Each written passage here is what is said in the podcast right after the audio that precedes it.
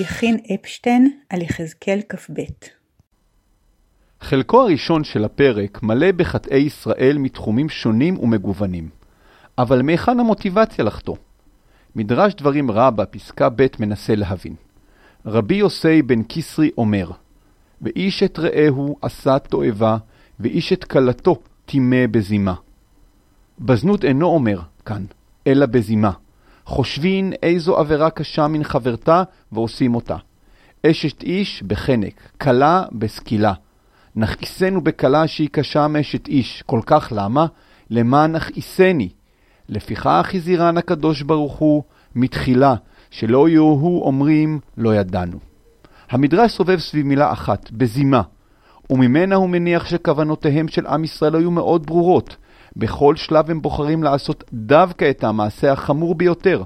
הם אינם זונים עם אשת איש, עבירה הנחשבת קלה יותר, אלא דווקא עם קלה, שיש בה גם איסור עריות, עבירה הנחשבת קשה יותר.